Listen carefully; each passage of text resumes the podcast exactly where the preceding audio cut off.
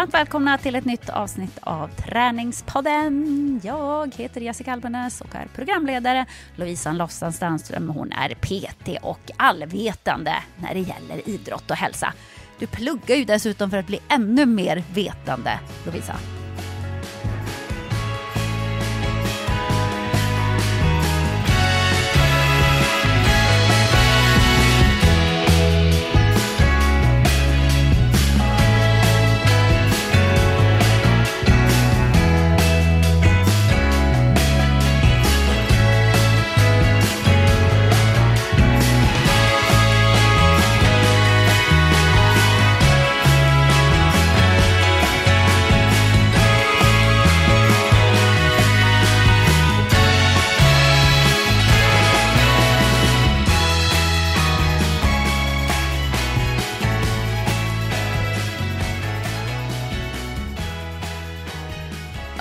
Alltså jag har väldigt mycket inspiration och det var länge sedan som jag hade fokus till att kunna sitta sådär jättemånga timmar och bara skriva, skriva, skriva. Just nu håller jag på att skriva en rapport. Jag är uppe i 10 A4-sidor, Times New Roman, storlek 12, 1,0 i radavstånd. Alltså det bara trrr, hamras på tangenterna. Gud vad härligt. Det är, det är skönt när man kommer in i sånt där att man klarar av att fokusera och verkligen bara kör. Ja, nej men det är roligt. Men jag kommer inte in med jättemycket egen träningsinput i veckans avsnitt av Träningspodden. Kommer du ihåg förra veckan? Då hade jag ju precis sovit när vi skulle spela in.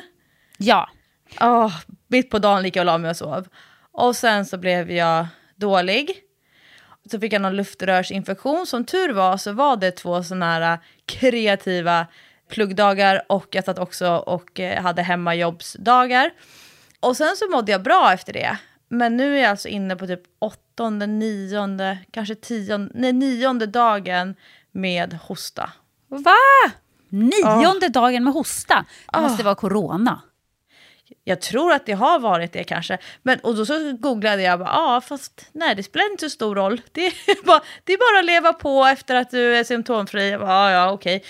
Men det kan vara sådär att jag inte märker någonting på åtta timmar och sen fastnar jag i en hostattack så jag skäms. Alltså det är så pinsamt att hosta in public. Och nu när jag har hostat så här många dagar på raken. Nu går jag in i den privata sfären. Jag blir helt slut i min bäckenbotten. Alltså helt out of nowhere så kan jag kissa på mig. Inte så att det liksom, det är inte så att någon annan skulle märka, men jag känner lite lite. Mm. Men också det här att under en kvart ha någonting som ligger och kittlar och bara försöka kväva det. Ögonen typ tåras. alltså, inte i mina stoltaste ögonblick eh, just nu. Men vi får se om jag om Gabriella måste klippa bort massa hostattacker eller om jag klarar den här timmen. Men ofta är det ju så när man har sådär hosta, eh, jag vet ju det från när jag har gjort tv-sändningar och varit sjuk och, och, haft hosta. Av någon anledning så hostar man inte just under sändningen. Det är jättekonstigt. Men det är som att kroppen är ändå som en lydig hund. Måste den skärpa sig så skärper den sig. Sätta koppel på den.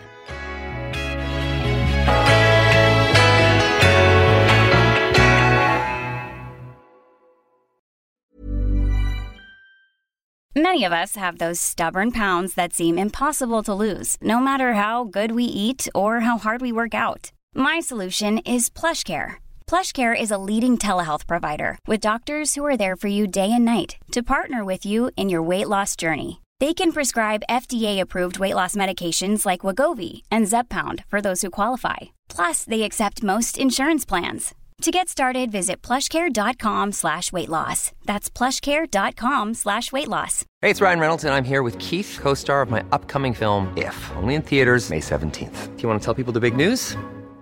All right, I'll do it. Sign up now and you'll get unlimited for $15 a month in six months of Paramount Plus Essential Plan on us. Mintmobile.com slash switch. Upfront payment of $45 equivalent to $15 per month. Unlimited over 40 gigabytes per month. Face lower speeds. Videos at 480p. Active Mint customers by 531.24 get six months of Paramount Plus Essential Plan. Auto renews after six months. Offer ends May 31st, 2024. Separate Paramount Plus registration required. Terms and conditions apply if rated PG.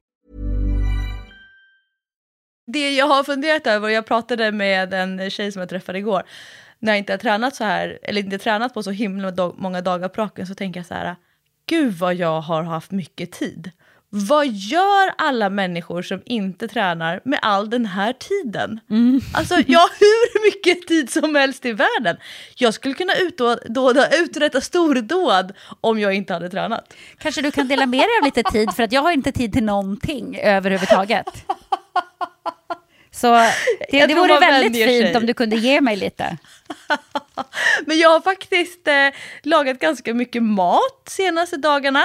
Jag har eh, lärt känna vår nya airfryer. Och alltså jag är så förälskad. Jag har kunnat laga riktig mat genom att använda en airfryer. Så jag håller på att liksom utforska den sidan den här veckan. Men vad då? Du, du menar att sådana som du och jag som är lite tappade i köket, vi är bra med airfryer? Alltså okej, det är inte jätteavancerad nivå som vi pratar om på matlagningen när det är mig. Och då kan jag tänka att du kanske också blir inspirerad för att det är eh, förebilden liksom ändå är inom räckhåll. Ja.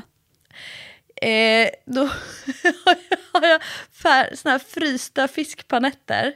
De brukar jag, om jag ska laga fiskpanetter, steka i en panna. Om jag har tur, eller tur och tur, om jag lyckas hålla fokus under den här stekfasen, då bränner jag inte dem. Men eh, det är ganska ofta som jag börjar hålla på med annat och så glömmer jag bort det där och så blir det så här stenhård yta. Eh, och sen så kan jag göra klyftpotatis i ugnen. Eh, kan faktiskt göra egen klyftpotatis, men nu, nu hade jag köpt eh, färdig skurna. Men på riktigt, i en airfryer, då lägger jag i två fiskpanetter i den här korgen. De är frysta, direkt från frysen. Och så stänger jag luckan, trycker på on-knappen. Och sen klickar jag på en fisksymbol. Och sen börjar den brumma. Eller brumma, susa. Brumma. Den börjar susa. Och så går det som ett indikatorer som går så fram och tillbaka. Som att nu tänker jag, nu tänker jag, nu tänker jag. Alltså maskinen. Jag tänker också för jag är så nyfiken på vad den ska berätta. Och då berättar den så här. Okej, fisk. Maskinen mäter ut, den är fryst. Den på något sätt förstår hur stor den här fiskbiten i är. Och så står det 160 grader, 23 minuter. Och så bara räknar jag ner. Och efter 23 minuter, då piper den. Så, mamma jag är färdig. Öppnar jag och sen är fiskpaletten helt perfekt. Tortillabröd, lite remouladsås, lite rina morötter, salladsblad, kanske lite skuren tomat, en fiskpanett. Tada! Bra ju, det där låter ju som något som till och med jag kan klara av. Exakt! Och jag tror, med mina trendspaningar, jag är inne på det här mycket med trender just nu. Jag tror att det vi kommer se med airfryern, det är att på samma sätt som att mikrovågsugnen gjorde sin entré i de svenska hushållen i slutet på 80-talet, början på 90-talet så var det ju liksom mikrovågsugnen. Den såldes ju in som att man verkligen kunde tillaga mat i den. Nja, vet kanske de flesta mest användare för mikropop, eh, mikropopcorn när de kom, men den här jetversionen, alltså jetstart och så bara låter man tiden gå tills man tycker att det är klart. Och sen blev ju mikron en standardprodukt. Och numera när man bygger hus eller jag vet inte, renoverar kök, jag har aldrig gjort det. Men då är det ju väldigt många som har inbyggda mikrovågsugnar. Eller en vanlig ugn med inbyggd mikrofunktion.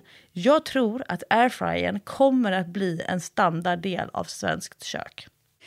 Vilken spaning från din sida, Lovisa. Och nu när du har varit hemma och liksom haft eh, tillfälle att använda din eh, airfryer. 23 minuter, 160 grader. Ja, perfekt, det låter ju väldigt enkelt och bra. Men jag har faktiskt hunnit träna lite.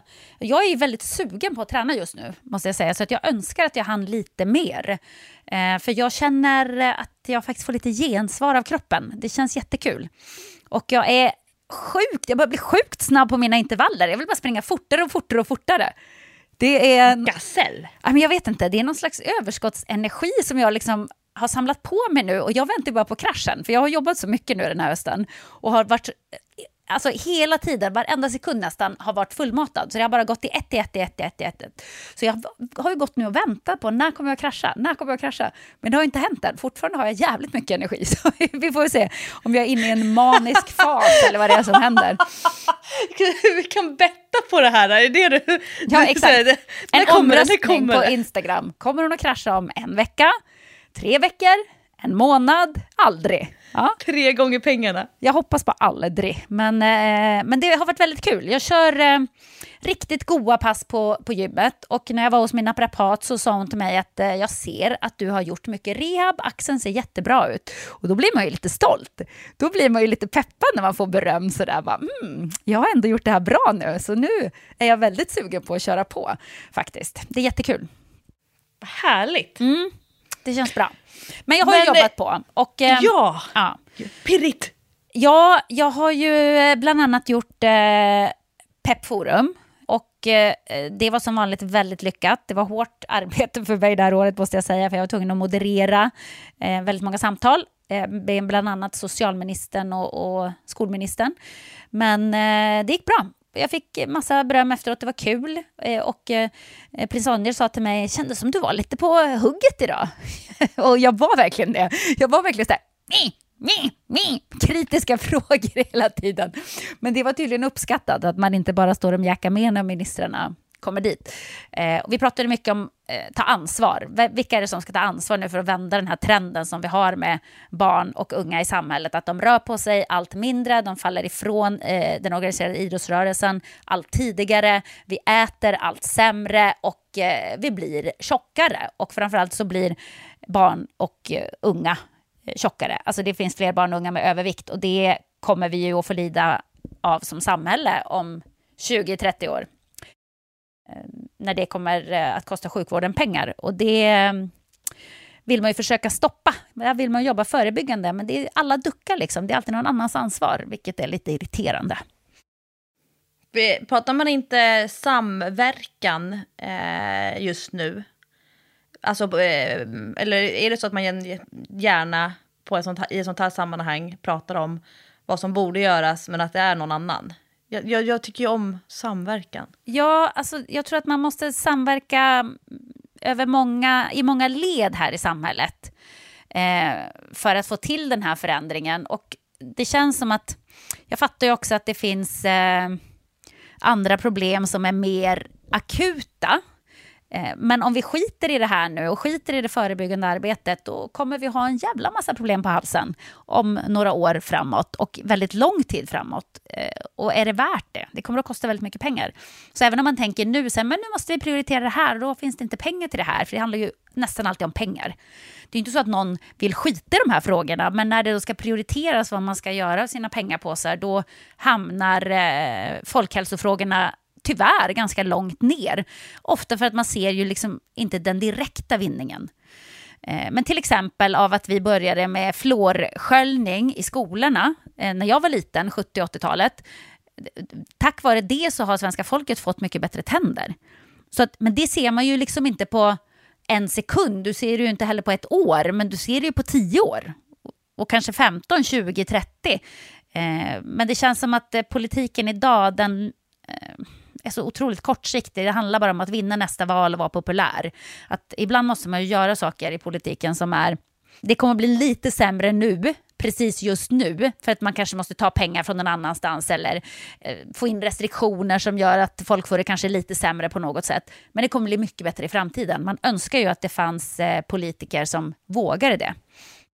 Men vad eller vem eh, tog du med dig hem från eh, peppdagen? Alltså... Jag kom hem själv. Så.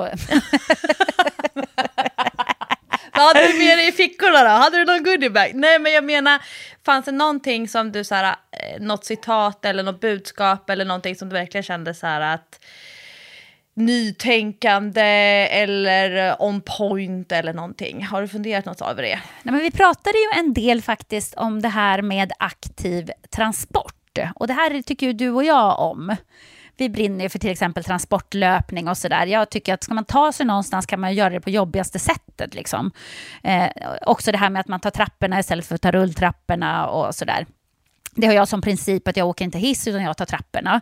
Och, och då tar jag mig någonstans men eh, gör av med lite fler kalorier och får lite mer vardagsmotion än jag hade fått om jag tog hissen. Och gör man det varje dag, fyra, fem gånger, ja det blir ju ganska mycket i slutändan. Precis som med transportlöpning eller aktiv transport till skolan. Det tyckte jag var väldigt intressant att få tillbaka det här att barn cyklar och går till skolan. För att det är ju det, är ju det här med att föräldrar ska vara så himla mm, curliga med sina barn och det blir fel för att man gör dem en otjänst istället. Så det var en forskare från eh, Luleå universitet som sa det väldigt bra. Att hon, hon brukar säga till sina barn, istället för att säga så här, jag älskar dig, därför skjutsar jag dig till skolan. Jag älskar dig, därför får du gå.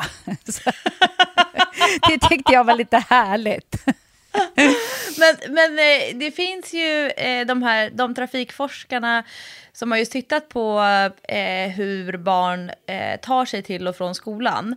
Då har de tagit fram så här, eh, data från föräldrar och intervjuer och sådär. Och då är det så roligt att eh, ett av de vanligaste argumenten som föräldrar säger till varför de skjutsar sina barn, det är för att de tycker att det är så mycket bilar i miljön runt skolan. Ja. Exakt. Alltså det, alltså det är som paradox. Så, när de mäter biltrafiken runt skolan, då är det en väldigt stor andel av trafiken som kommer från föräldrar som skjutsar sina barn. Ja, det är... Det, det, man måste tänka till lite grann. Eh, kring de där grejerna. Så det tar jag med mig. Sen var ju Michel Tornéus och hans brorsa Patrick där och, och hade någon slags inspirationsföreläsning. Eh, och eh, de var ju otroligt bra måste jag säga. Patrick är ju polis och Michelle då har ju lyckats i inom friidrotten eh, och eh, har ju fortfarande svenska rekordet i längdhopp och sådär. Och höra deras historia, för de kommer från en fattig bakgrund och hade ju lika gärna kunnat hamna i gängvärlden som att eh, lyckas så bra som de har gjort. Så det var, det var väldigt spännande att få ett exempel från verkligheten. Ja, vad kul. Och sen har det varit födelsedag också, Jessica. Ja, det har varit så mycket. Det har varit så mycket, Lovisa. Det har varit födelsedag, jag har firat med pompa och stånd.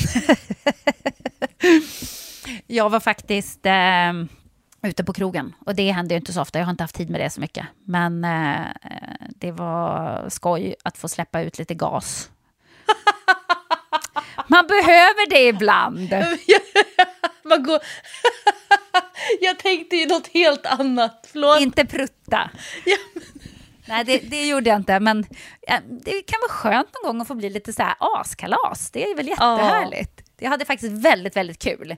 Eh, så att jag, ehm, jag har haft, haft en bra vecka. Bra jobbmässigt och väldigt bra privat. Eh, och väldigt mycket uppe i varv fortfarande, som du hör.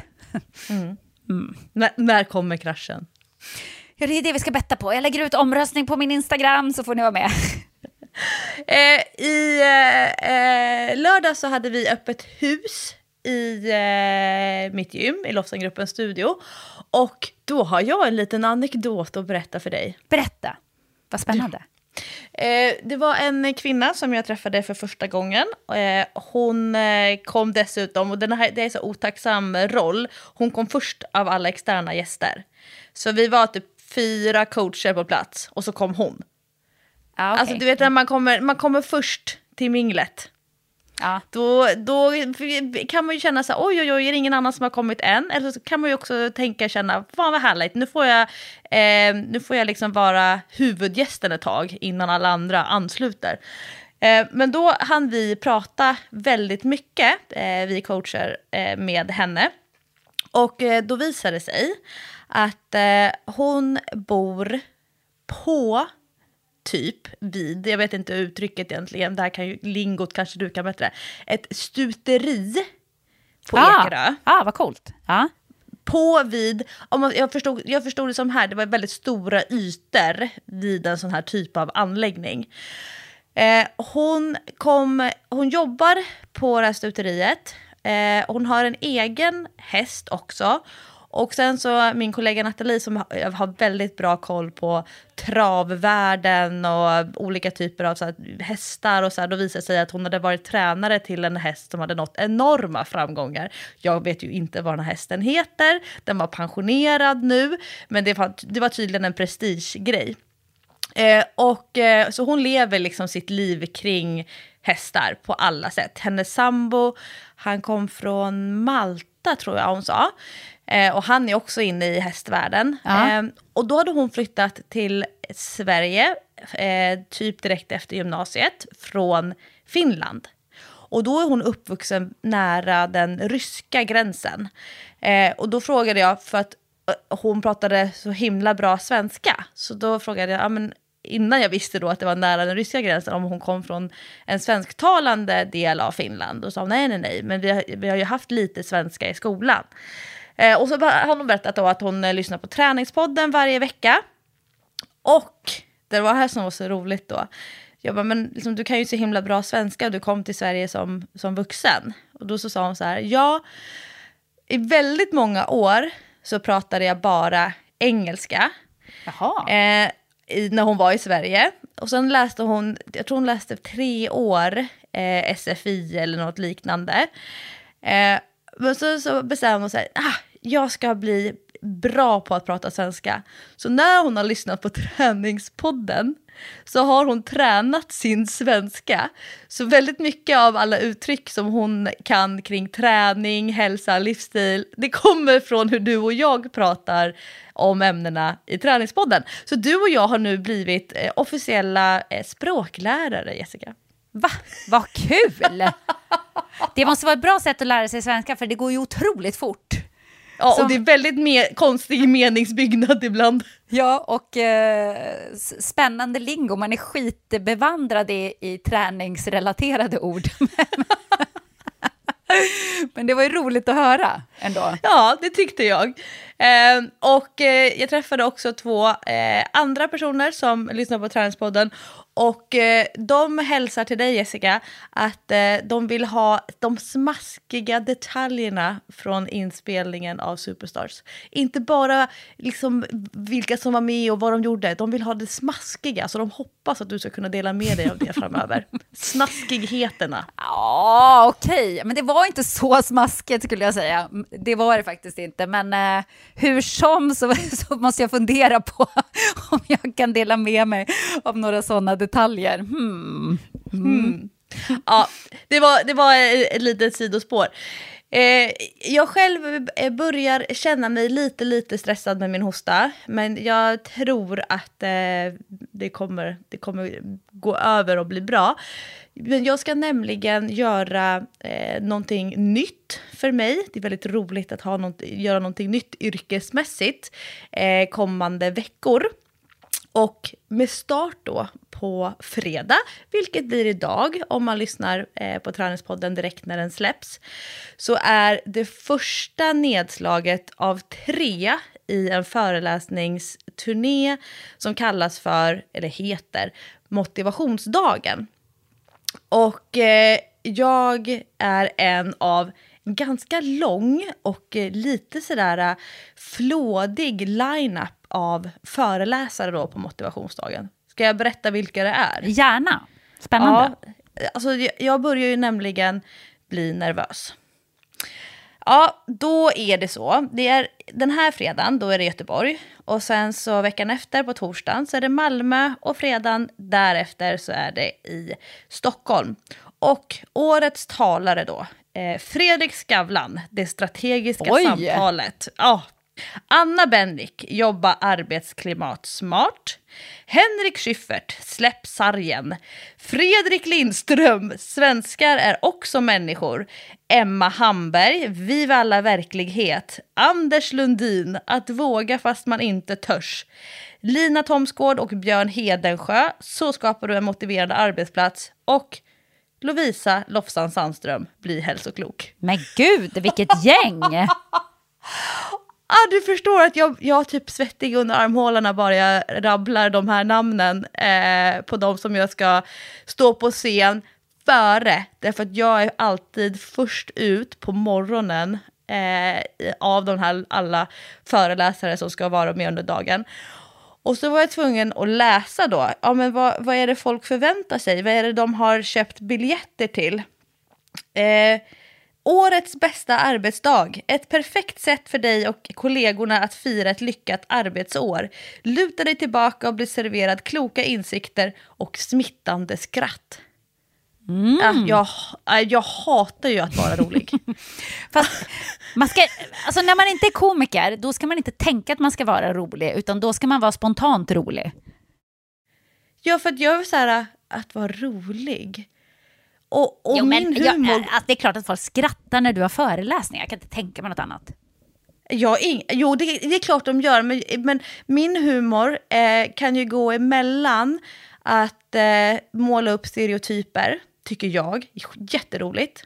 Och det brukar ju folk skratta åt. Men de där stereotyperna sitter ju ofta i publiken. Mm. Eh, den andra humorn, det är att driva med mig själv. Och eh, det gör jag gärna. Alltså jag kan trycka ner mig själv i heltäckningsmattan eh, för att få andra att skratta. Men då tänker jag också att de tror och tänker att jag drivs av självhat. Så att jag är lite osäker på hur min humor ska gå hem bland flera tusen personer. Eh, men men, men jag, jag, nu har jag gjort tvärt emot vad du sa. Vadå? Jag har, nej men jag har så här... Gå, stolpat gått upp. en kurs och, och lärt dig stand-up, eller vad? Jag har, eh, jag ska bara räkna, en, två, tre, fyra, jag har fem teman i min föreläsning. Och då har jag skrivit, du vet jag, mina listor. Då har jag skrivit så här, eh, ett, ett tema ett och rörelse. Och sen så har jag bara punktat upp eh, vad som jag ska komma ihåg att säga. För det är också det, jag har typ 33 minuters föreläsningstid. Och jag är van att prata ungefär 60 minuter. Så jag måste alltså fördubbla min talhastighet.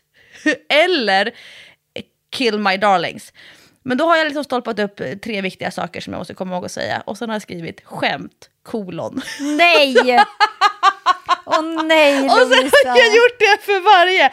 Men, men det här är skämt som jag brukar dra. Men jag måste komma ihåg, jag måste bara säkerställa att jag har några skämt. Eh, och också så här, tänka att jag måste komma ihåg att dra skämtet. Eh, om om det inte, jag inte kommer på, för det här kan ju jag jag kan komma på ett, ett nytt skämt mitt i. Och så drar jag det istället, men då, då kanske det blir fler skämt än vad jag hade planerat. Nej men du förstår, jag, det hamnar i lite ängslighet. Eh, men ja, så, så håller jag på och, och jobbar. Det går ganska mycket på stereotyper, ungefär 75% stereotyper, 25% driver jag med mig själv. Oh, det där är svårt. Alltså, nu har du ändå peggat upp, kan jag säga. Men, men jag har- Fall, fallhöjden är, är ganska stor nu när du säger att du har skrivit en massa skämt. men, men jag har, har eh, kollat lite grann på stand-up nu senaste dagarna. Det blir bara värre och värre här. Det blir bara... All den här tiden. Det, men min, min är, eh, alltså min, min är, den maskinen är ju igång med fiskpaletterna. Det är 26 minuter.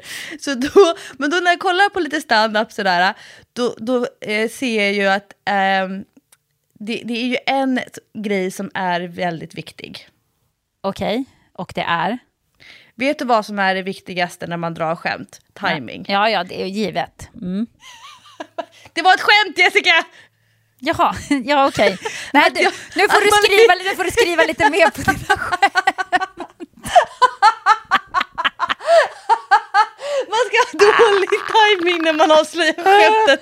Man, man ska dra, Åh gud man ska alltså. dra skämtet och sen ska man vara tyst. Ja, men i alla fall, det har jag då kommande veckor framför mig. Nu ska jag komma till min poäng.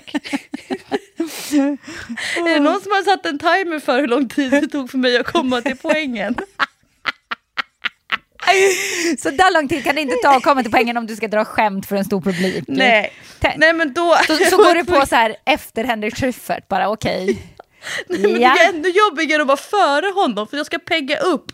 Klockan är ju på morgonen, de är liksom trötta. Åh, och tänk de som är där ofrivilligt, chefen har dragit dit dem. Och så ska Ja. de... Åh. Nej, Ja, men det kommer att gå bra. Tråkigare kan man ju ha på jobbet om man säger så.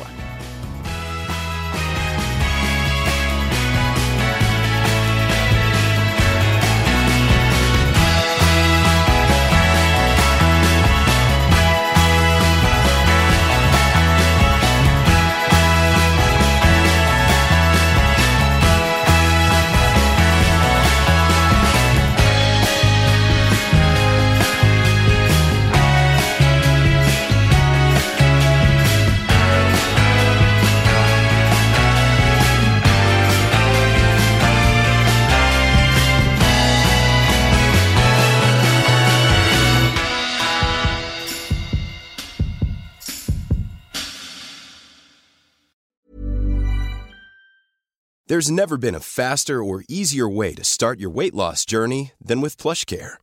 PlushCare accepts most insurance plans and gives you online access to board-certified physicians who can prescribe FDA-approved weight loss medications like Wigovi and Zepbound for those who qualify. Take charge of your health and speak with a board-certified physician about a weight loss plan that's right for you. Get started today at plushcare.com slash weight loss. That's plushcare.com slash weight loss. plushcare.com slash weight loss. Hey, it's Ryan Reynolds, and I'm here with Keith, co star of my upcoming film, If, only in theaters, May 17th. Do you want to tell people the big news? All right, I'll do it. Sign up now and you'll get unlimited for $15 a month in six months of Paramount Plus Essential Plan on us. Mintmobile.com slash switch. Upfront payment of $45 equivalent to $15 per month. Unlimited over 40 gigabytes per month. Face lower speeds. Videos at 480p. Active Mint customers by 531.24 get six months of Paramount Plus Essential Plan. Auto renews after six months. Offer ends May 31st, 2024. Separate Paramount Plus registration required. Terms and conditions apply if rated PG. Min poäng som jag skulle komma till, det är att jag sitter och läser om de senaste folkhälsorapporterna som levererats. Och det finns ju massa olika typer av rapporter och inom folkhälsoområdet så finns det jättemånga olika teman.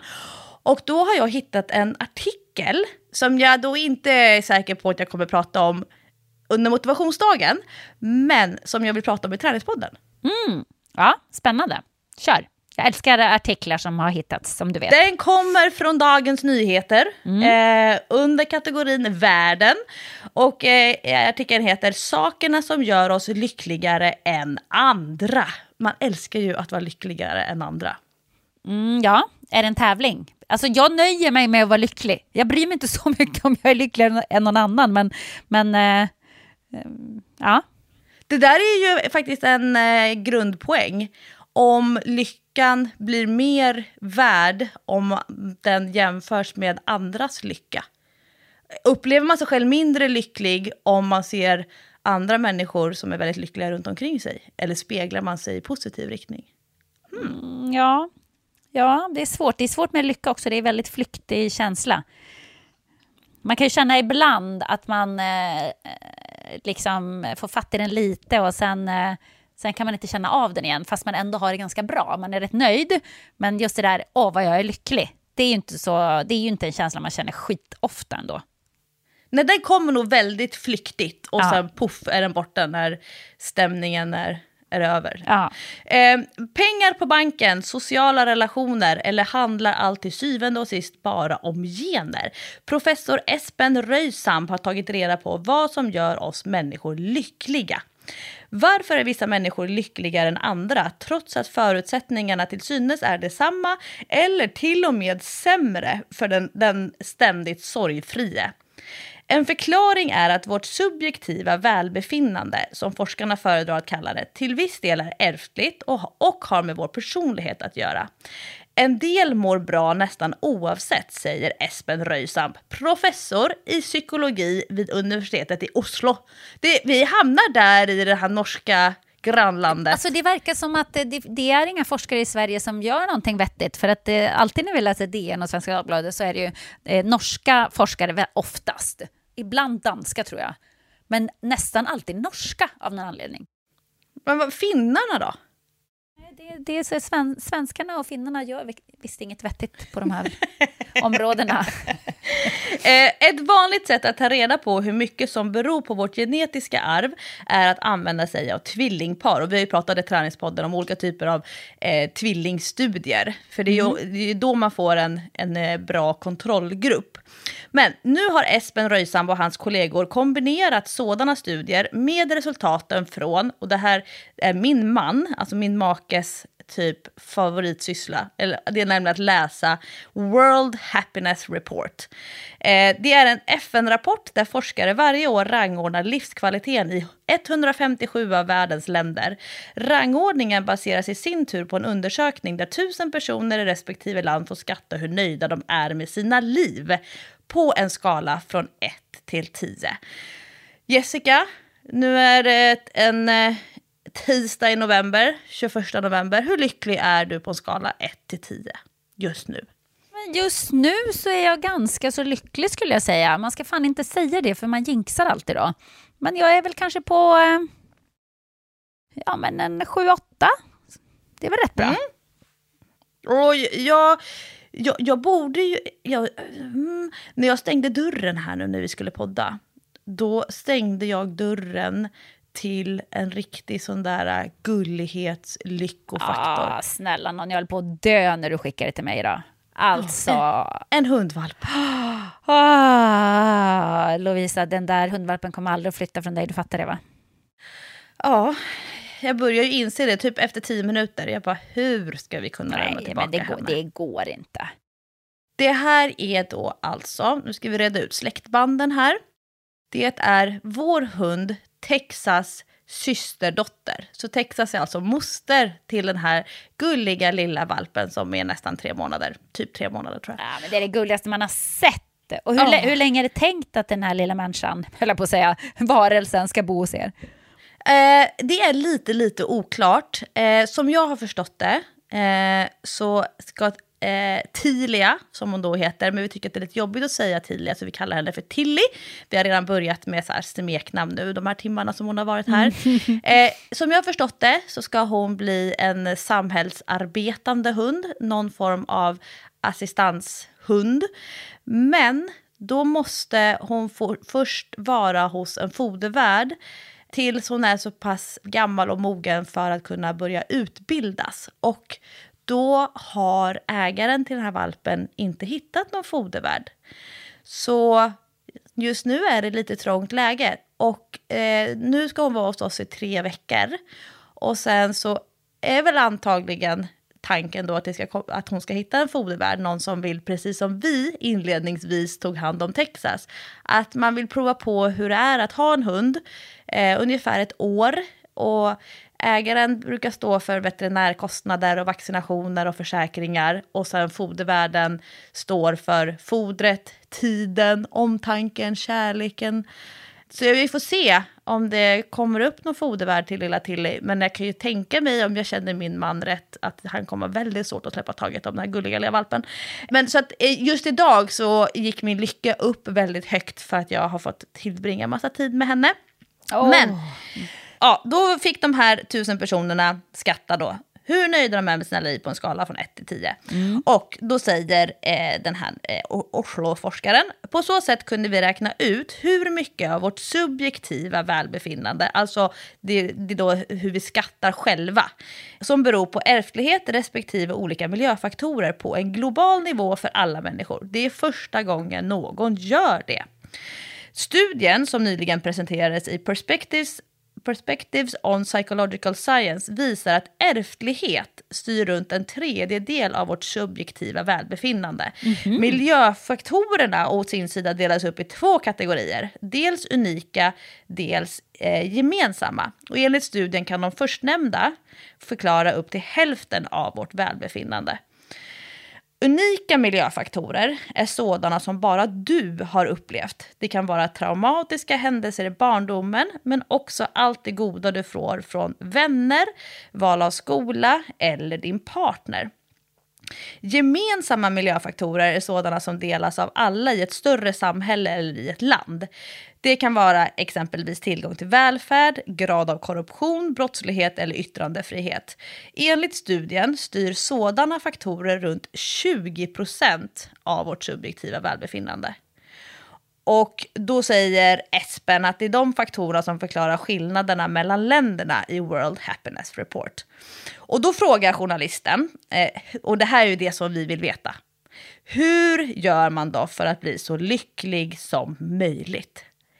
Och vi har ju pratat i Träningspodden de senaste månaderna om det här med eh, optimeringstrenden. Alltså hur vi ser att många människor vill optimera sin träning, optimera sin hälsa. Vi kopplar på mycket teknologi för att kunna liksom styra och finkalibrera insatser och så vidare. Så det känns ju som att den frågan rimmar ganska väl med den här optimeringstrenden. Ja, ja verkligen. Genernas betydelse går inte att göra så mycket åt, skulle man kunna tro. Men det håller Espen Röjsamb inte med om. Samhället kan lägga en grund för att vår genetiska potential ska kunna blomstra. Så att den som är intresserad av matematik får räkna matte och den som är kreativ får utlopp för sin kreativitet och så vidare. Den svenska statsministern Tage Erlander sa att politikers uppdrag är att bygga dansgolv så att människor kan dansa. Det är precis vad det handlar om. Dessutom, säger han, går det till viss del att träna upp den del av sitt subjektiva välbefinnande som påverkas av vår personlighet. Och tacksamhet är en sån sak. Och det här tycker jag var intressant. Det finns studier av OS-medaljörer som visar att guldmedaljören är gladast av dem alla. Inte så konstigt. Men sen kommer inte silvermedaljören. Brons, brons. Utan bronsmedaljören. Silvermedaljören är besviken över det förlorade guldet. Medan bronsmedaljören är glad över att han eller hon överhuvudtaget fick en medalj. Ja, men det, där är ju, det där är ju en klassiker, så är det ju verkligen. Och det eh, den här forskaren då säger, det är att förmågan att känna tacksamhet över det man faktiskt har, snarare än besvikelsen över vad man har kunnat haft, att den går att träna upp. Och det här tyckte jag var intressant. Pengar då? Liksom, gör det att folk blir lyckligare? Ja, till en viss del. Men effekten är mycket mindre än man tror och dessutom så planar den ut ganska snabbt. Om du har en eller två miljoner kronor på banken, eh, om du har en eller två miljoner kronor på banken gör inte så stor skillnad. Och om du har väldigt mycket pengar så kan det subjektiva välbefinnandet till och med gå ner, visar forskning. Däremot vet man att brist på pengar eller fattigdom är en stor lyckotjuv. Och då säger den här forskaren, Espen Röjsamp, man ska satsa på sina vänner, familj och andra sociala relationer. En ny, en ny vän är värd mer än 100 000 kronor mer i årslön. Oj! Aha. Och han säger att därutöver, förutom då relationerna som verkar ha en jättestor betydelse eh, för det subjektiva välbefinnandet, så ska man försöka göra sitt liv, inklusive vardagen, så meningsfull som möjligt. Fysisk aktivitet och att utvecklas är också bra. Vi kan inte tänka oss lyckliga, mycket genetik, men att må bra är faktiskt något vi kan träna på. Oj, din hosta, vad jobbig Ja, den känns. Din stackars. Så, nu Jessica, nu skulle jag vilja ha dina kloka kommentarer på det här. Eh, jag tyckte att det var lite intressant att, eh, det, att lyckas satt i generna. Det hade jag inte gissat, tror jag. Nej, och då, jag funderar på om, om det var så att man då därmed ärver missnöje. Ja, eller om det är liksom eh, snarare någon eh, signalsubstans som man har brist på, att det skulle då vara ärftligt på något sätt. Alltså att man... Eh, det är väl serotonin och... Vad är det mer? Dopamin. dopamin som gör att man känner sig lycklig. Och om man då har ärvt att man har låga nivåer där eh, så kanske det kan påverka hur lycklig man känner sig, antar jag. Eh, men, men eh, för jag gissar att om man ärver missnöje sådär och var bitter och sur, det är väl mer miljön. Ja, det där funderade jag på. Eh, människor som jag möter som säger att de i princip rent destruktivt har frigjort sig från en missnöjd förälder. Ja. Alltså att föräldern har hela tiden under uppväxten och också i vuxen, alltså när personen är vuxen, he- lever hela tiden med ett missnöje. Och hur den personen då, barnet, som sen blir det vuxna barnet, aktivt väljer att bara se saker och ting positivt för att va- vara motsatsen till sin förälder. Ja, eh, så, så kan det ju vara, verkligen. Men det var intressant, men jag undrar också... Och det var också intressant att man själv kan påverka hur lycklig man är. Det tyckte jag var en ganska kul vinkel ändå. Eh, För att lite grann så väljer man ju själv vad man är nöjd med någonstans. Ja, jag tänkte den här strävan efter mer. Ja, exakt. Men alla har ju inte strävan efter mer. Det är det här som jag blir så fascinerad över alltid när jag... eh, Men om man till exempel åker hem till någon av sina hemorter och träffar på gamla klasskompisar och så som har stannat kvar, kanske jobbar på ICA, kanske bor ganska trångt i en liten lägenhet, eh, ja du vet, singlar eller du, sådär, men ändå är jävligt nöjda med sitt liv. Så jag bara, ja, men ja, jag har ett bra liv, jag är nöjd. Jag, jag mår jättebra här. Och jag har inget sug att flytta och jag har inga andra drömmar än detta. Då tänker jag att det måste vara så skönt att vara nöjd och inte hela tiden sträva efter mer. För det är ju också ganska jobbigt. Man blir ju aldrig lycklig när man aldrig nöjer sig. När man bara så här, aha, man når en framgång som man har strävat efter och så bara wuh, skjuter man bort den och så strävar man vidare efter nästa grej hela tiden. Eh, fast det kanske också är en lycka i sig. Jag vet inte. Att hela tiden ha mål att sträva efter och vara på väg emot. Eh, det är kanske bara att man ser det på helt olika sätt. Ja, och jag brukar tänka på det med, med människor som tränar jättemycket och de är så sinnessjukt objektivt vältränade. Och ja. sen ändå så tycker de att ah, men jag skulle kunna bli lite snabbare. Jag skulle kunna få lite mer synliga muskler. Jag skulle kunna bli lite rörligare. Jag skulle kunna bli lite starkare. Och jag var så här, men hallå, alltså titta på vad du har. Ja, men det där kanske är ett driv då för att fortsätta träna. För att om man plötsligt säger, men nu är jag nöjd. Det är ju inte så motiverande när man ska träna för att upprätthålla någonting, om man säger. Utan jag tror man kanske, just med träning är det väl kanske så att man behöver ha det där drivet att man strävar mot nya mål hela tiden. Ja, fast du och jag eh, kommer ihåg, vi pratade för något år sedan om att man borde ha njutit mer då, mm. när man hade det, än vad man gjorde. Alltså att när, man, när du sprang maraton, tror jag, jag tror ja. du hade det som exempel. Ja. Oh, gud, jag skulle ha njutit mer när jag kunde springa ja. maraton. Ja, verkligen. Så känner man ju. Så känner man ju verkligen. Och det är ju samma sak med det här som de allra flesta kvinnor har, att man nojar över sin kropp hela livet igenom. Så är det något med kroppen som man inte är nöjd med eller stör sig på eller vill förändra eller man tränar för att hålla i skick eller vad det nu kan vara. Eh, men sen när man tittar tillbaka på gamla bilder så tänker man så men varför njöt jag inte av det där? ah, men vad fan, kunde jag gå med magtröja på den tiden? Vad gick jag och klagade över? Eh, det är väldigt fascinerande, men det är som att i vissa fall är man helt oförmögen av att kunna njuta av saker och ting när det faktiskt händer. Man kan bara njuta av det i efterhand på något sätt. Mm. Eh, om man tänker sig eh, ur, ur det där kvinnliga perspektivet, då skulle man kunna se det där livslånga som är att eh, man vill vara i bästa möjliga form när man blir gravid så att det inte blir ett sånt himla stort förfall. Mm. Att man ändå har en sån hög lägsta nivå som möjligt.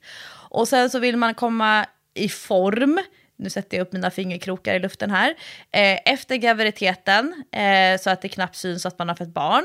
Och sen så vill man vara en milf eh, ett tag. Och sen så vill man skaffa ett till barn och då börjar det om. Och sen så har barnen precis blivit stora och självständiga. Och då vill man ha bästa möjliga eh, utgångsläge för att kunna komma in i, eh, alltså i klimakteriet. Så att man eh, slipper det stora förfallet. Man vill inte gå in i klimakteriet med övervikt redan då. Och så håller det på sådär. Och sen så ligger man i kistan. Det är så jävla deppigt. Det låter så otroligt deppigt när du säger det sådär. Ugh. Och jag, jag är liksom i den här fasen nu att jag känner så här, nu vill jag så länge som möjligt eh, fortsätta vara lite attraktiv. Sen när tar det slut? Att man är helt osynlig, du vet? Att man går förbi folk som inte tittar två gånger utan man är bara en gammal tant som ingen kikar på. Liksom. Objektivt attraktiv subjektivt så är det väl jätteattraktivt, framförallt för din eh, sambo. Ja, men det vet man inte. Han är tio år yngre, så jag vet inte fan hur länge jag kommer att vara det. Så nu är det liksom en kamp. Jag har hamnat i det här, inte det här de sista barnafödande åren, utan jag är inne i det här de sista attraktiva åren. Jag måste njuta. hur länge kommer det att hålla i sig när jag en dag vaknar och bara, nej, det här vill ingen ta i med tång alltså. Hur långt är det kvar? Och då ska man, tittar man på genetiken igen Jessica så verkar det ju som att du har ju bra genetik för att vara attraktiv hela vägen till kistan.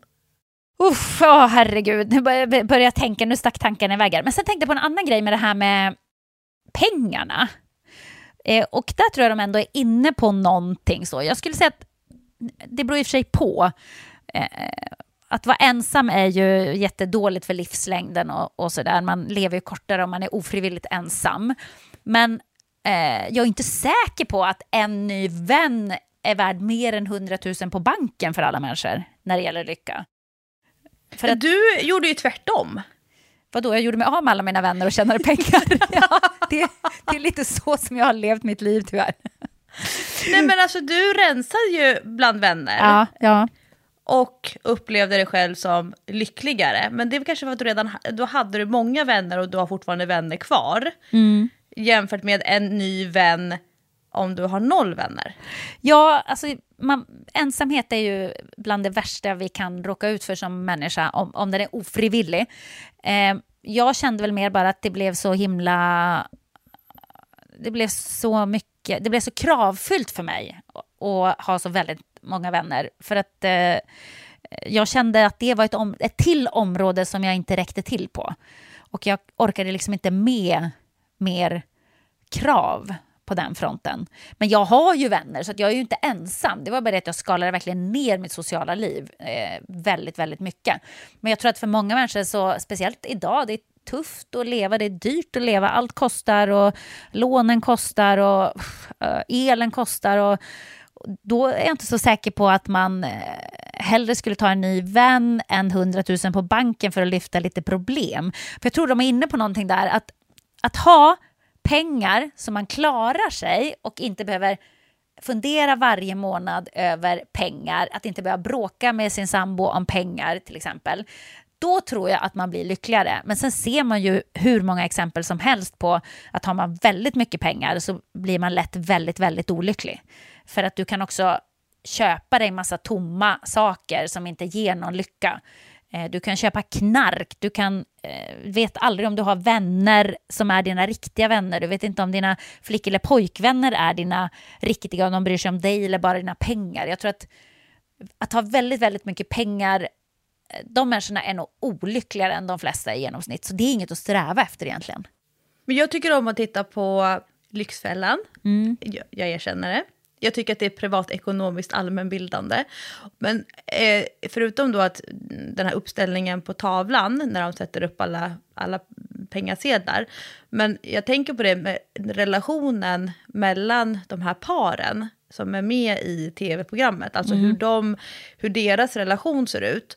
Och jag upplever, alltså då subjektivt, att de inte är så lyckliga i relationen. Just, alltså vad som är orsak och vad som är verkan vet man ju inte. Men eh, det måste ju vara svårt att vara lycklig i en relation när privatekonomin eh, har gått åt helvete. Ja, alltså jag har ju varit i relationer där det har bråkats väldigt mycket om pengar och det är det värsta man kan bråka om för det blir inte bra. Det blir liksom äckligt mellan, eh, mellan en när man är i en relation om man bråkar för mycket om pengar. Eh, och det har jag upplevt, så i min nuvarande relation så bråkar vi aldrig om pengar. Jag tror inte vi har gjort det en endaste gång. Eh, Och vi har inte 100% delad ekonomi, vi har halvdelad ekonomi kan man säga. Men vi har aldrig en endaste gång bråkat om vem ska ta notan eller vem ska... Dö, dö, dö. Utan det, mm, det har varit väldigt eh, jämställt om man säger i, i den här relationen. Och, och jag tror att sådana relationer funkar bättre där man inte behöver bråka om pengar. Så att pengar tror jag är... Eh, ja, det, det kan vara både din största lycka och din största olycka på något sätt. Och, och eh, kopplingen då till ehm, när han pratar om att vår sub, vårt subjektiva välbefinnande, eh, kopplingen till tacksamhet. Funderar du någonsin i termer av vad du är tacksam över just nu? Alltså jag hamnar ju lätt i katastroftankar eh, och jag hamnar ju lätt i eh, mind games med mig själv där jag får för mig att jag jinxar saker om jag tänker på dem för mycket. Så att eh, nej, jag jobbar inte med tacksamhetstankar. Jag testade det ett tag men eh, fick nästan mer ångest av det faktiskt. Jag, jag lever med så här eh, eh, ja, lite klyschigt, men lite grann så här carpe diem nu. Idag är jag glad. Idag är jag glad. Ta vara på den dagen. Vad härligt. För man vet aldrig imorgon och jag orkar inte tänka på det. Och jag orkar inte tänka så här, åh vad jag är glad för att, eh, jag vill inte ens säga det nu för att bli det jinx. Men du vet de här vanliga grejerna som alla människor är glada över, det som är viktigast för en och så. Jag vill inte ens tänka på det, för, eh, för jag tänker att, eh, att man jinxar sin lycka, för att den är så liksom lätt att bara trilla ur händerna på något sätt. Så om bara hypotetiskt, du skulle göra en lista över tio saker som du är tacksam över just nu, då är det som att printa ner det och synliggöra allting som kan gå åt helvete. Ja, men lite så. Så funkar min hjärna tyvärr. Så att jag kommer inte att göra det. Men jag vet att många gör det och det är ju säkert en jätte, jättebra grej att ställa in sin hjärna på, på att tänka så. För då blir man säkert nöjdare med det man har. Men för mig funkar inte det. Men hur gör du? Har du tax en del har ju tacksamhetsdagbok till och med. Mm. Jag har haft det i perioder. Ja. Alltså för mig så har det fungerat väldigt bra och jag jobbar också med det eh, när det är klienter som eh, har eh, som har svårt att känna nöjdhet. Eh, där jag försöker säga till dem så här, men det är good enough. Det är good enough, det är tillräckligt. Och de vill sträva efter mer hela tiden. Och när de får i uppgift att till exempel, låt säga det skulle kunna vara under här, sju dagar på raken. Eller en gång i veckan under fyra veckor eller liksom någon form av tidsperiod. Mm. Sätta sig ner och skriva saker som de är tacksamma över. Då kan det bli tydligare för dem att de har väldigt mycket och att när de tittar på listan så säger de att ja men det här är ju tillräckligt för mig för att känna, eh, känna att jag mår bra eller känna mig nöjd. Eh, så det har jag jobbat med mig själv också för att man vet aldrig, det här är ett sånt där allmänmänskligt eh, resonemang. Man vet aldrig om man är på väg upp eller på väg ner. Nej, exakt, exakt. Det, det är det jag menar lite. Fast vi ja. tänker olika. Vi tänker lika men olika. Så jag, för jag tänker att om jag, om jag inte är tacksam idag och sen så är det, är, är det någonting som är sämre imorgon, mm. då har jag inte njutit av det jag hade den dagen jag hade det. Och sen så blev det ju ännu sämre, men vad tusan också. Mm. Ja, men du, vi tänker egentligen lika, fast vi bara hanterar det lite olika. Jag sätter en sol på och du sätter en atombomb. Ja, men jag, jag kör ju lite den här apan som håller för öronen. Na, na, na, na, na, na, na, na, na. Där, där är ju jag lite mer. eh, eh, inte, den här artikeln eh, om subjektivt välbefinnande, eh, den avslutas med en fråga från journalisten eh, till forskaren. Hur lycklig är du själv då på en skala från 1 till 10? Då svarar han, haha, runt 7,5 skulle jag säga. Jag brukar faktiskt fråga mina studenter hur lyckliga de skulle vilja vara. Mm. De flesta säger faktiskt inte 10. De vill ha något kvar att sträva mot, vilket jag tycker låter klokt. Jaha, vad intressant. Så man ska alltså inte känna att man är en tia. Nej, och det tror jag man gör så himla sällan och så himla himla kort. Det är ju, eh, en tia det är ett rus och rus är ju inte beständiga, det vet man ju. Men eh, jag är ju lite nyfiken på vad då stod det i den här artikeln vilka länder som är de lyckligaste, för det brukar väl alltid vara med på sånt här. Jajamän, och det är samma land som är i topp. Jag tror att det är för sjätte året på raken. Vilket land är det då? Ja, det är de som inte tydligen forskar något. Finland? Ja. Nej. Sex år i rad har invånarna i Finland fått högsta ranking i World Happiness Report, vilket gett finländarna epitetet världens lyckligaste folk. Men jag, det här kan inte stämma. Det här, det, alltså, de som har gjort den här undersökningen kan aldrig ha varit i Finland. Det är för att de bastar så mycket. Och jag får säga det, för att jag har ju själv finskt påbrå. Eh, och eh, det finska lynnet, eh, det är ju liksom inte, det som slår en direkt är ju inte att det är världens lyckligaste folk, om man säger så. Och jag har ju också finskt påbrå och eh, eh histori- alltså mina släkthistorier från den här finska delen av eh, familjen, det, det, är ganska mörkt. Ja, det är det jag menar. Det är mörkt. Det finns otroligt mycket mörker. Ja. Eh, I årets undersökning kammade finnarna hem en snittpoäng på 7,8 på den 10-gradiga skalan. Följt av Danmark 7,59, eh, Island 7,53, Israel 747. Och då får vi se hur det påverkar rapporten till nästa år. Mm. Eh, Nederländerna 740, Sverige 739, vi är precis bakom Nederländerna. Och Norge 731. Trenden i Sverige är uppåtgående medan den i Norge är nedåtgående. I andra änden av skalan finns länder som Libanon, 2,4 och Afghanistan 1,9. Där var folk minst nöjda med sin livskvalitet bland de 157 länder som var med i undersökningen. Värt att notera är att poängen speglar ett genomsnitt av de tusen personer som intervjuats. Studien säger alltså inget om hur nöjda respektive missnöjda enskilda individer är. Eh, nej, det är, ju, det är ju rimligt, men eh, ja, det är lite förvånande då. Det är klart, vi har det ju bra i de nordiska länderna, det har vi ju om man ser till det, eh, levnadsstandard och eh, eh, levnadsförhållanden så. Men att det var en uppåtgående trend i Sverige, det trodde jag ändå inte, för det känns ju ganska dystert mycket känns ju ganska dystert i Sverige just nu. Och med tanke på ekonomin också så har jag ju svårt att se att vi skulle liksom ha någon slags uppåtgående trend, men vad vet jag?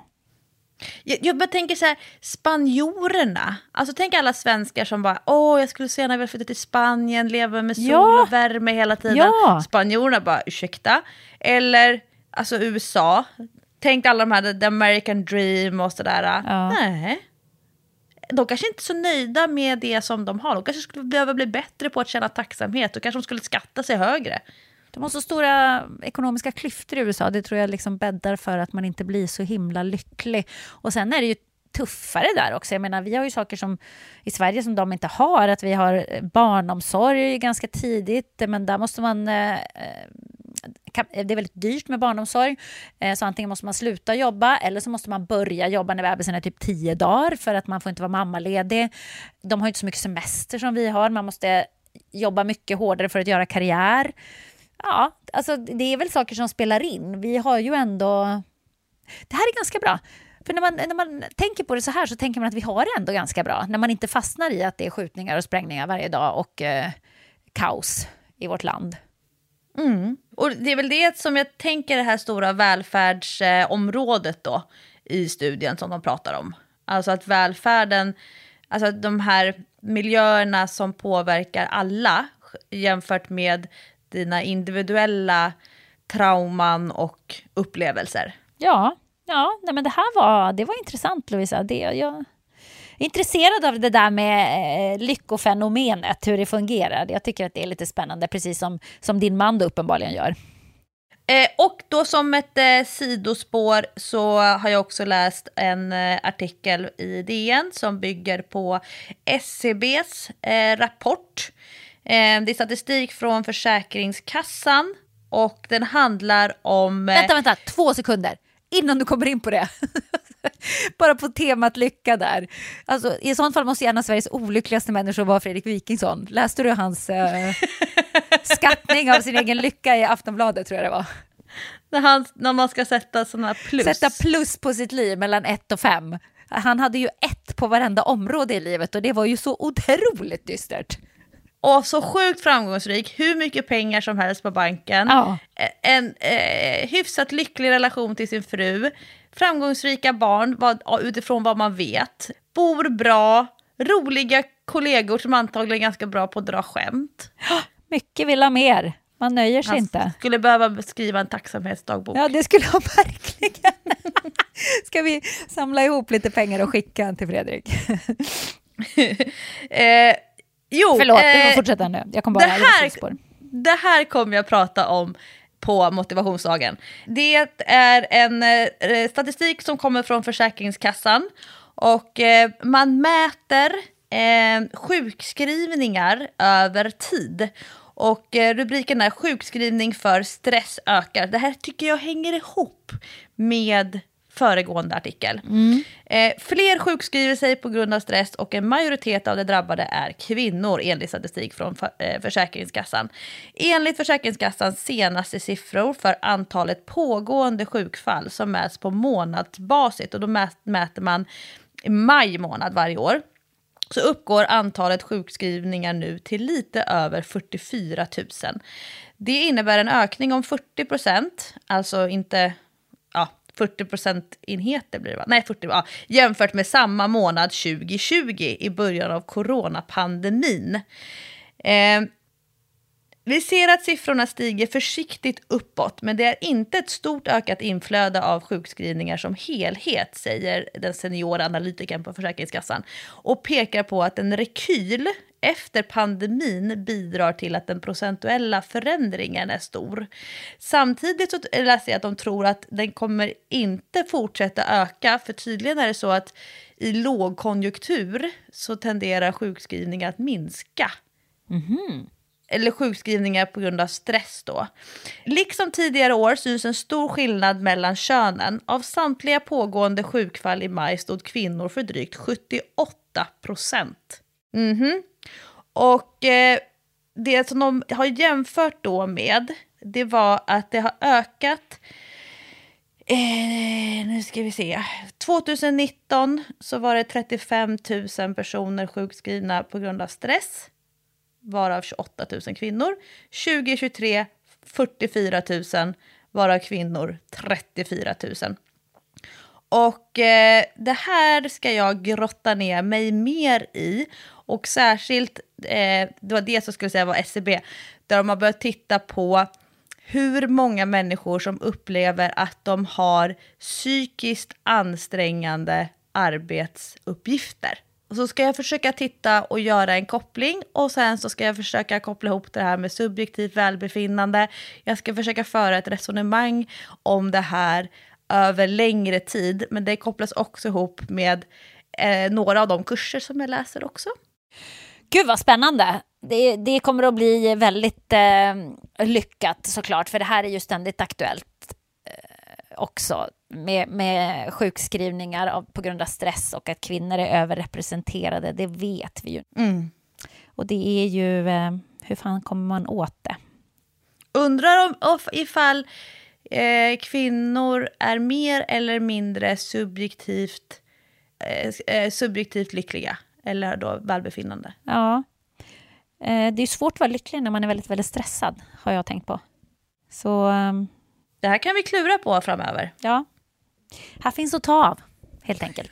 Men jag tror att våra lyssnare ändå är relativt lyckliga för att de är ju tränande människor. Det blir man ju glad av, eller hur? Ja, och det var det forskaren sa, att fysisk aktivitet eh, eh, verkar vara eh, viktigt för det subjektiva välbefinnandet. Eh, men eh, jag eh, hoppas att alla mår bra idag, denna underbara dag. Och ska vi liksom knyta ihop säcken där då, Lovisa? Jag har inte planerat en skämt för det här. Okej, men det går ju inte. Du måste börja och sluta med några skämt, så nu får du komma på ett lite snabbt. Två tomater gick över gatan. du ser, jag behövde inte ens dra skämtet klart och du skrattar. Ja, eh, jag ska, jag ska komma på någonting. Eh, jag har, kommit, jag har eh, hittat, eh, med all den här tiden som jag har haft den senaste veckan, samtidigt som mina airfryer står och jobbar, eh, det visar sig att en som tydligen är väldigt rolig, som jag inte hade gissat eh, på förhand, det är den här eh, engelska eller brittiska jag vet inte om hon är skott, skotte, eh, hon som har, eh, skådespelaren som är äldre, som har blivit adlad, så hon är väl Dame, heter det. Hon som har varit i James Bond, eh, silver... Är det eh, Helen Mirren? Nej, den andra. Kort hår, silver, eh, eh, silverhår. Det här är så roligt. När man, ska, när man, jag, jag, man får bara googla en gång per dag. Va? Hon heter... Ja, det här är en regel som jag och mina kompisar har.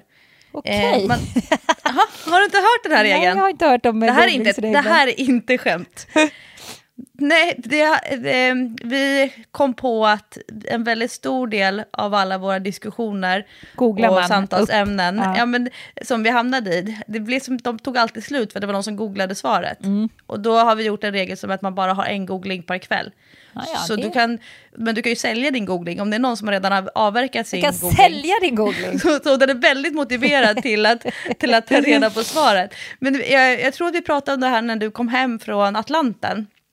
Och eh, när ni gick med någon låttext Ja, i sju dygn. ja just det. Mm. Och ingen, man inte kan gå in på Spotify och kolla Nej, hur så låten egentligen går. otroligt irriterande var det verkligen. Judi Dench. Jaha, mm. Eh, 88 år gammal. Eh, hon är född i York. Ja, men då är hon ju... Ja, då är hon väl engelsman. Ja, hon är i alla fall inte skotte. Eh, Skyfall var hon med i. Eh, hon är jätterolig och hennes barnbarn jobbar med alla hennes skämt på eh, sociala medier. Jaha. Det kan man kolla upp om man vill skratta lite grann. Och alltså, jag tänker att hon är ändå 88 år gammal och är rolig. Det kan du, att, jag tror ju att göra sig, att vara attraktiv, det tror jag att mycket handlar om att ha humor. Så Jessica Almenäs, 88 år gammal, fortfarande rolig hela vägen till graven. Ja, Där det- har du något att jobba med. Det är då jag börjar med stand-up. När jag blir 88. Man har inget att förlora längre. Det är bara att köra. Åh, gud. Ja, det var det det. Ja, nu ska jag hämta i skolan eh, och eh, så ska jag försöka trycka in massa träningspass här i veckan så jag har mycket spännande att prata om nästa vecka i Träningspodden. Och jag ska gosa med hundvalp. Och mys, krya på dig då Lovisa. Tack! Och tack för att ni lyssnar allihopa. Puss och kram, hej